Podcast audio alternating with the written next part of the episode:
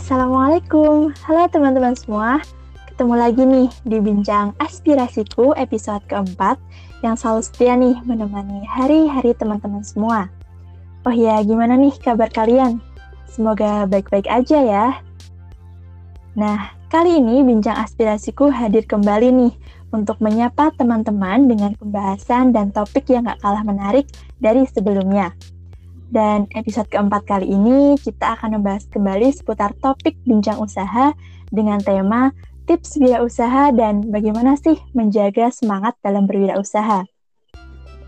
Oh ya, kali ini kebetulan aku nggak sendirian nih, karena aku ditemani oleh narasumber yang nggak kalah luar biasa dari episode sebelumnya. Seorang yang keren banget nih, mulai dari prestasi akademik, organisasi, maupun dunia wirausaha itu sendiri. Oke, daripada tambah penasaran, kita sambut aja ya. Halo Mbak Intan. Halo. Gimana nih Mbak kabarnya? Alhamdulillah luar biasa ya ini. Insya Allah dalam keadaan yang baik. Oke, Alhamdulillah baik ya Mbak. Oke, mungkin supaya dari saya dan teman-teman bisa lebih kenal nih sama Mbak Intan, boleh nih mungkin Mbak Intan memperkenalkan diri dulu. Oke, terima kasih ya. Jadi perkenalkan, nama saya Intan Dia Kusuma, biasa dipanggil Intan dari mahasiswa pendidikan teknik Boga angkatan 2019 ya. Saat ini semester 7 teman-teman. Gitu. Dan saya asalnya dari Ponorogo, Jawa Timur. Gitu. Dan saya juga aktif di beberapa organisasi sama sedang membangun sebuah usaha. Oke, udah kenal semua ya teman-teman sama narasumber kita yang uh, luar biasa banget nih. Mungkin nanti kalau misalnya dari teman-teman uh, mungkin kepo-kepo bisa lan lebih lanjut nih di media sosial dari Mbak Intan gitu ya Mbak ya. Oke, siap. Benar banget. Oke, untuk mulai podcast pada kesempatan kali ini mungkin di uh, terkait tips wirausaha nih Mbak. Uh, mungkin masuk ke kesibukannya Mbak Intan tuh uh, saat ini uh, sedang apa aja gitu Mbak? Oke, jadi kesibukan saya ya saat ini juga tidak jauh-jauh banget gitu dari usaha itu berhubungan sama lomba dan juga usaha ya ini saya sedang fokus ke PKMK atau PKM kewirausahaan gitu ya. Dan mohon doanya juga teman-teman semoga lolos sampai ke PIPNAS jadi di PKMK ini saya didanai gitu ya didanai dan diminta untuk membangun sebuah usaha. Nah usahanya itu berhubungan sama jurusan saya ya ini outbar nanti berbuat dari bahan baku kacang tunggal gitu ya dan juga diolah untuk uh, regenerasi luka. Jadi nanti nanti dipasarkan gitu ya. Kemudian saat ini juga saya sebagai produsen juga gitu ya di PKMK-nya tersebut. Saat ini juga udah semester 7 nih, jadi kira-kira udah mikir nih seputar skripsian juga nih Kak. Kemudian saya juga alhamdulillahnya dibebaskan sama KKNPK, makanya saya lebih fokus untuk mengembangkan bisnis saya sendiri sama uh, mengikuti magang gitu. Oh, jadi uh, cukup sibuk ya Mbak kegiatannya mulai tadi dari uh, akademiknya udah nyiapin mulai dari skripsinya terus uh, terkait apa tadi wirausahanya gitu ya Mbak ya. Nah, tadi kan kayaknya itu ya Mbak hmm, dari usahanya tuh kebetulan kayaknya dari saya tuh juga belum kayak belum pernah dengar gitu ya Mbak. Nah, kayak unik gitu. Nah, dari mana sih Mbak inspirasi usaha itu tuh didapetin gitu Mbak? Oke, usaha yang sedang aku jalankan sekarang ini ya. Jadi ada dioman.id nama brandnya. Itu merupakan uh, jasa foto food fotografi dan food stylist gitu ya, sama berhubungan sama sosial media management gitu teman-teman. Jadi itu usahanya itu di bidang jasa kreatif gitu dan berhubungan dengan foto makanan gitu ya. Misalnya teman-teman nih lihat uh, ada iklan, seliweran dan lain sebagainya. Itu kan kalau fotonya nggak menarik, itu kan pasti teman-teman skip kan ya. Makanya uh, usaha saya juga menggeluti di bidang itu, berhubungan juga sama jurusan saya pendidikan tata buga gitu ya teman-teman. Jadi bagaimana menghandle makanan supaya terlihat cantik, kemudian didukung dengan food fotografinya itu. Jadi saya fokus ke usaha tersebut. Oh begitu ya Mbak. Jadi kayak ya betul sih Mbak ya. Kalau misalnya ada iklan terus kayak makanan atau apa pun itu kalau tampilannya kurang menarik tuh kayaknya uh, kurang pas gitu ya mbak ya? Nah ya bener banget itu. Oke. Selanjutnya nih mbak. Kan tadi kan ya namanya bisnis ya mbak ya. Pasti kan di awal-awal merintis itu kan banyak uh, lika-likunya gitu atau uh, hambatannya gitu ya Mbak ya. Nah dalam merintis bisnis ini tuh uh, gimana sih Mbak lika-likunya atau hambatan yang uh, ada dalam perintisannya gitu Mbak? Oke, sebenarnya awal mulanya itu banyak banget ya lika-liku. Saya mencoba bisnis ini, bisnis itu gitu ya. Saya juga pernah membuka catering, udukatsu gitu ya. Karena itu saya pernah uh, ada matkul manajemen usaha. Ada. Di situ kita cari-cari lagi nih uh, apa ya yang kiranya cocok gitu ya di masa sekarang gitu.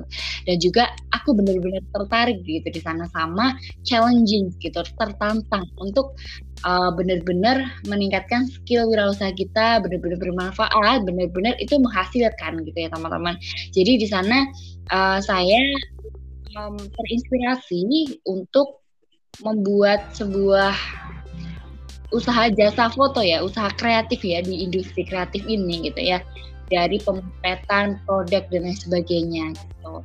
Inspirasinya saya dari uh, kakak tingkat saya gitu yang dia punya usaha, usaha cake gitu ya, tapi dia foto sendiri. Enggak saya Kemudian uh, saya terinspirasi dari bapak ibu para UMKM gitu ya, yang mana mereka masih belum bisa beralih ke uh, internasional ke misal teman-teman ke uh, digital seperti itu ya pemasarannya. Maka dari sana saya timbul nih rasa uh, apa namanya kasihan gitu juga bantu dengan brandingnya dari jasa fotonya saya gitu.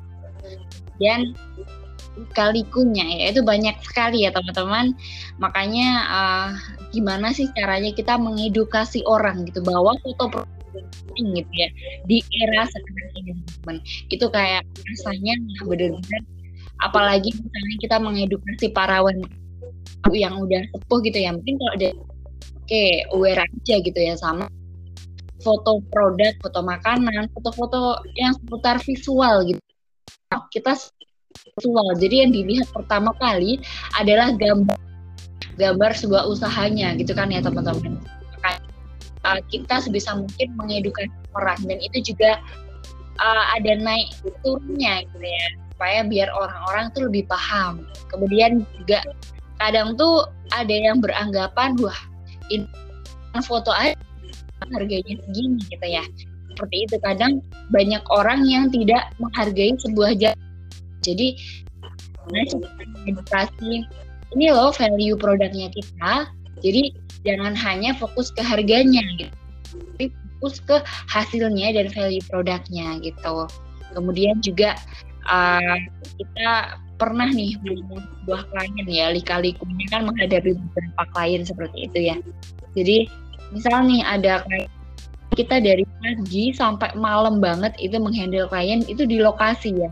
Karena kita ada di studio kita sama di lokasinya orang gitu ya di lokasi usahanya. Ternyata kita kadang tuh menemui kendala gitu. Kita di request ya makanya ya sebisa mungkin baru merintis ya teman-teman. Jadi kita harus profesional untuk menuruti keinginan konsumen konsumen karena juga kita punya harus memahami sifat-sifat klien seperti itu ya kak. Dan juga ya, uh, uh, juga harus fokus gitu ke sosial ya manajemennya yang telah kita bangun juga gitu. Nah itu sih kalikunya ya bagaimana menyadarkan para calon konsumen kita gitu ya buah foto produknya juga bisa survive di era saat ini gitu sih. Oke jadi kayak uh, panjang banget ya perjuangannya ya kak yang mulai dari uh, lika-liku rintis usahanya. Mungkin dari uh, pandangan orang uh, seperti yang disebutkan tadi mungkin kayak memandang sebelah mata cuman foto aja. Padahal uh, menurut saya juga kalau uh, foto itu kan kayak itu juga uh, kayak idenya juga yang ma mahal tuh malah idenya gitu kan ya kak? Nah, benar sekali nih Jadi kadang ya itu sebenarnya jadi kayak tantangannya kita sendiri oh kita jadi harus bisa membuktikan nih ya gitu. Dan nanti mungkin bisa dikumpulkan banyak testimoni sehingga orang-orang yang masih ragu pun tuh juga yakin gitu ya. Iya betul banget sih kak. Jadi kayak apa ya biar semakin banyak testimoni semakin uh, banyak nih nanti customernya gitu ya kak ya. Benar sekali. Oke selanjutnya nih kak. Uh, kan tadi uh, apa ya kayak hambatan-hambatannya gitu kan ya kak. Tapi kan mungkin dari uh, uh, apa ya dari diri kakak sendiri nih dampak positif apa atau perubahan apa nih yang kakak rasakan ketika memutuskan untuk berwirausaha nih kak? Oke, jadi dampak positifnya itu alhamdulillah banyak banget ya teman-teman dari wirausaha itu. Jadi pertama kita bisa menghandle konsumen atau klien gitu ya orang-orang yang beda sifatnya. Misal request ini ini tuh jadi kita bisa memanajemennya itu gitu bisa belajar. Kemudian uh, dari wirausaha itu kayak menambah relasi beneran gitu. Jadi misal sesama pengusaha pengusaha atau mitra suppliernya kita hingga konsumennya kita. Atau di tempat saya adalah uh, owner-owner restoran, owner usaha-usaha kecil atau besar gitu ya. Jadi itu menambah relasi gitu ya. Kemudian dari sana saya juga menemukan mentor bisnis supaya bisnis saya tetap survive dan juga lebih upgrade seperti itu. Dan kemudian saya juga bisa melakukan kolaborasi sama berinovasi untuk produk-produk baru.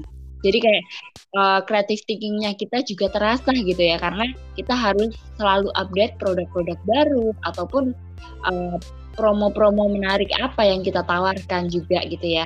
Nah, kemudian tadi kan saya menjelaskan tentang kolaborasi seperti itu ya. Pada akhirnya kita bisa kolaborasi sama brand ternama gitu teman-teman. Jadi kayak roti ropi, Sandari Heaven, dan bahkan saya juga di percaya menghandle proyek tahunan mahasiswa di jurusan saya, yakni proyek akhir boga gitu ya. Jadi kita mulai dari syuting video, pemotretan produk dan sebagainya. Jadi uh, itu merupakan uh, dampak positif gitu. Saya menekuni di usaha uh, yang saya jalanin ini. Banyak banget ya ternyata ya kak ada dampak positifnya dari wirausaha mulai dari uh, dapat relasi, terus pengalamannya juga, terus uh, melatih kreativitas juga gitu ya kak ya.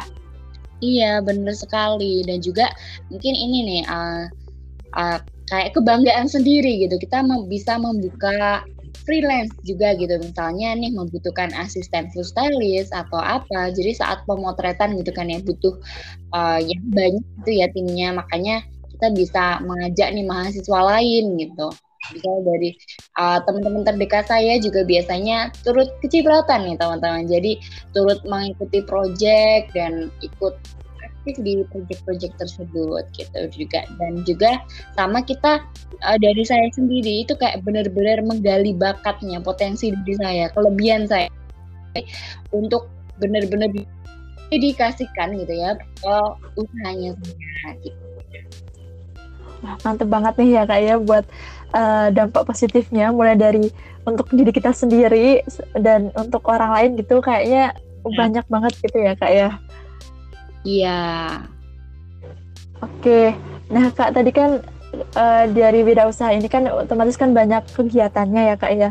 Nah itu tuh gimana sih? Tadi kan uh, dari kakak sendiri kan uh, juga lagi apa ya mulai mempersiapkan untuk skripsi. Nah sementara wirausaha kan juga um, kegiatannya juga padat gitu ya kak. Nah itu tuh gimana sih cara membagi waktunya kak gitu?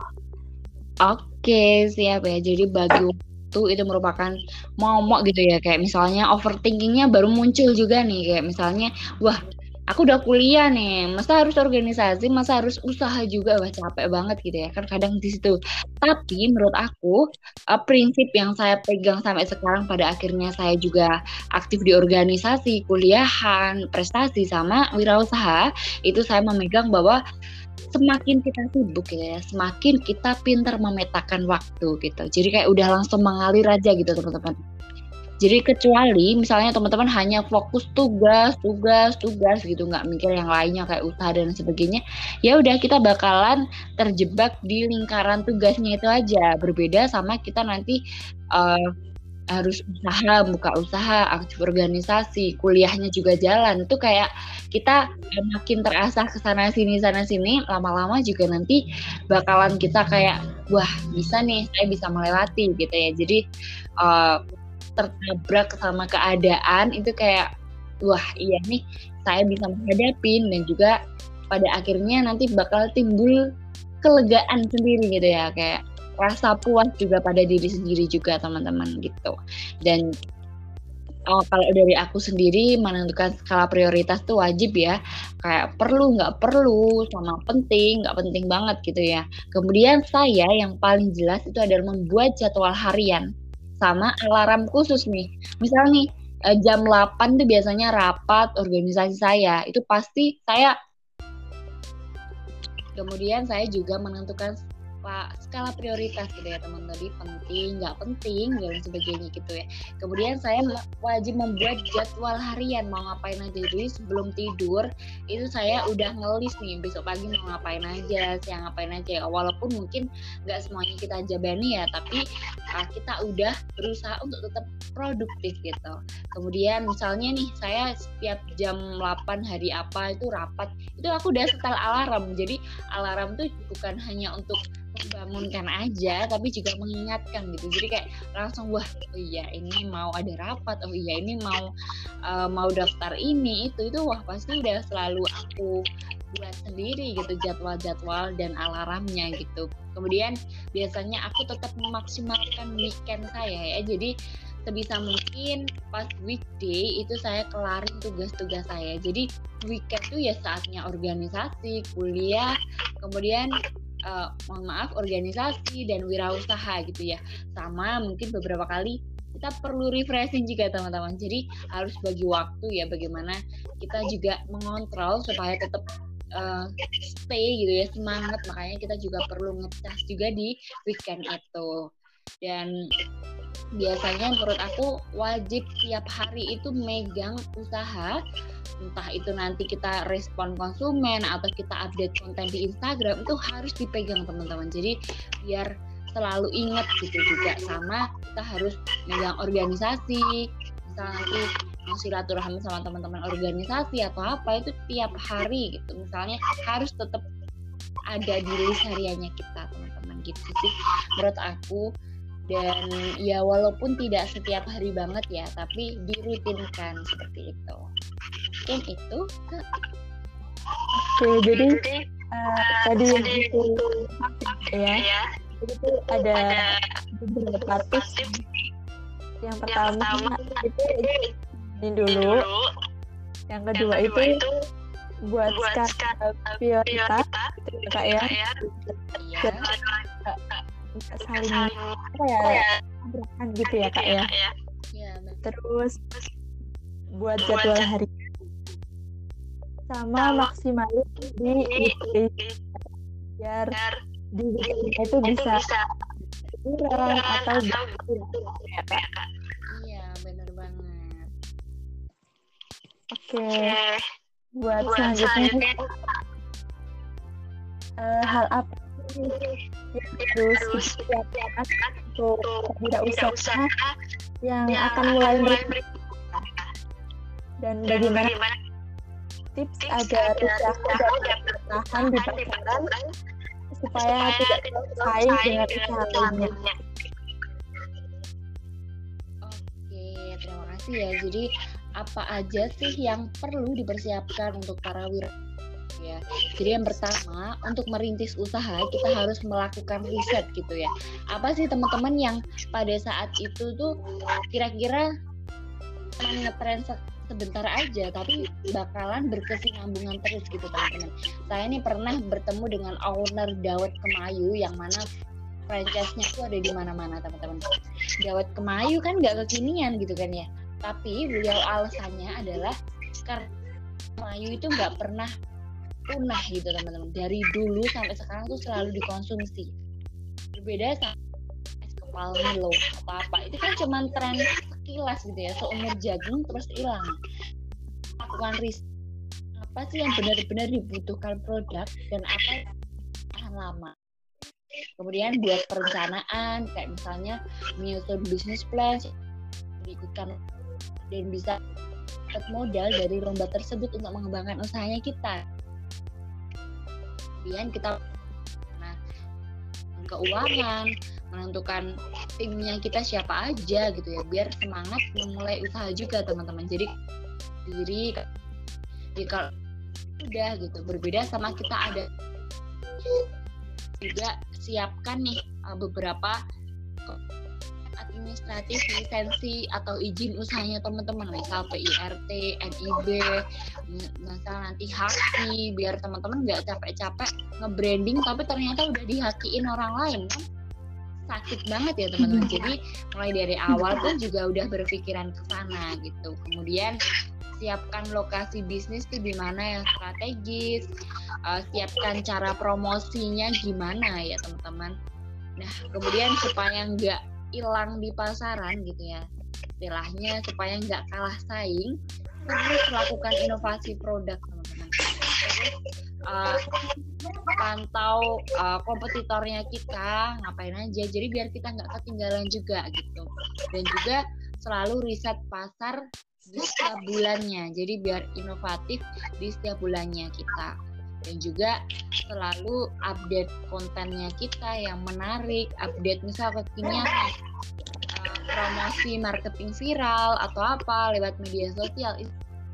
Jadi itulah yang membuat supaya kita tidak kalah saing juga gitu. Ya, menurut aku seperti itu dan juga uh, kita harus memperbanyak misal nih kalau misal jasa bisa memperbanyak portofolio atau misal uh, produk makanan, produk fashion atau apa itu bisa memperbanyak testimoni juga gitu biar meyakinkan.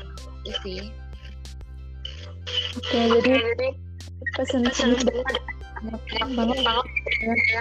mulai dari tadi uh, supaya bertemu di gini gitu. endingnya dokumen-dokumen ya kak iya bener banget Oke, udah hampir selesai ya. Uh, kira-kira pesan-pesan untuk ya, usaha muda mungkin mau punya anak merintis usaha gitu kak.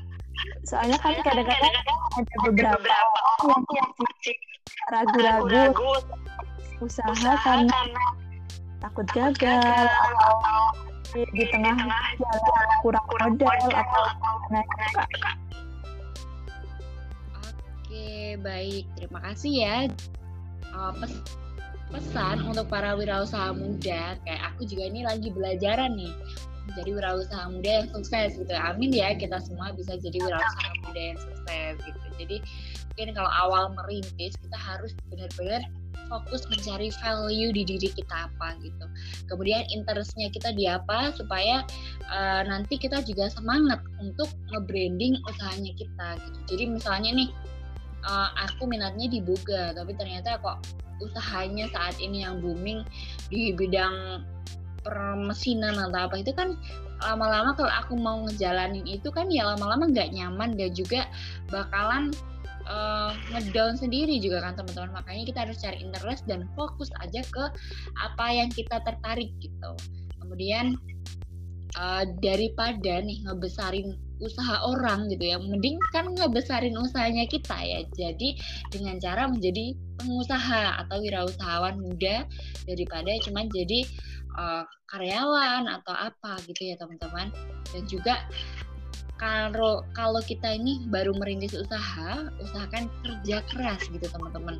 Bisa jadi nih tidurnya lebih sedikit atau apa gitu, tapi cuma tetap harus diimbangi ya teman-teman dengan konsumsi yang makanan sehat atau lain sebagainya gitu ya karena kesuksesan itu di bisnis tidak datang secara instan teman-teman jadi harus kita kerja keras kerja cerdas juga gitu ya kemudian kembangkan ide sama optimis gitu jangan sampai tadi pikiran-pikirannya kita mengganggu daripada hanya uh, fokus ke pikiran-pikiran jelek tadi mending kita nih cari uh, misal seminar berhubungan sama wirausaha atau ilmu-ilmu yang meningkatkan skill usahanya kita gitu teman-teman.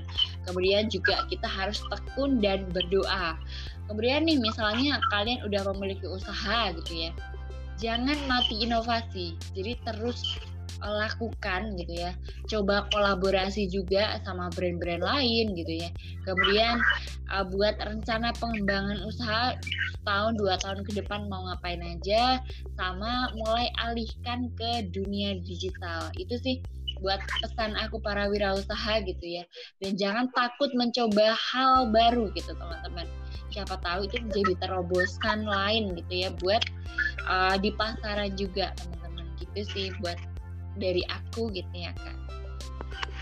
Oke, jadi tadi ada uh, kegiatan itu terus, terus ada kolaborasi nih. brand-brand lain.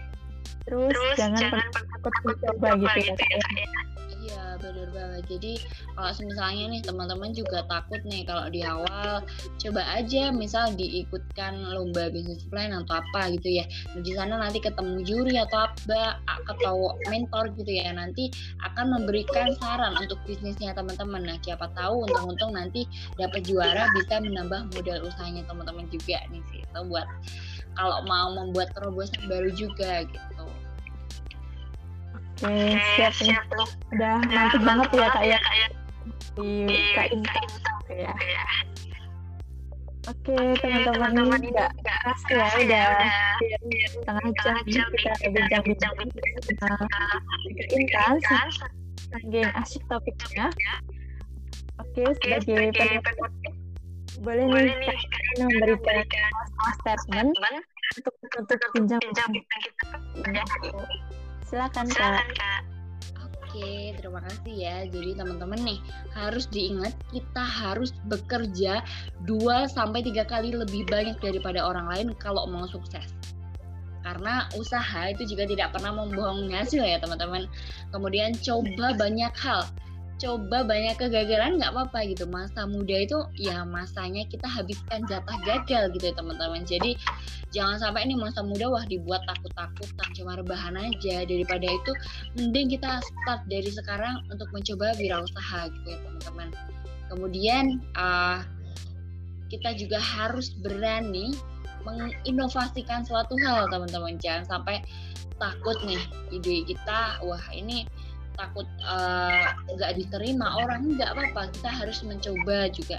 Sih dari aku mungkin uh, kita juga harus coba evaluasi terus juga ya teman-teman bahwa kita juga harus bekerja lebih giat karena kita mulai merintis dari awal. Gitu sih dari